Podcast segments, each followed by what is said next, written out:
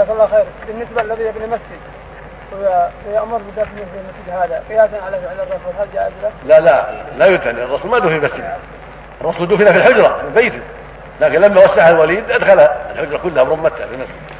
النبي ما دفن في البيت في المسجد صلى الله عليه وسلم. بالنسبة لذكر دفن في بيته بيت عائشة. ولكن بعض الأمراء في آخر القرن الأول أدخله في المسجد للتوسعة. أدخل الحجرة برمته وقد غلط في ذلك لكن وقع ما وقع.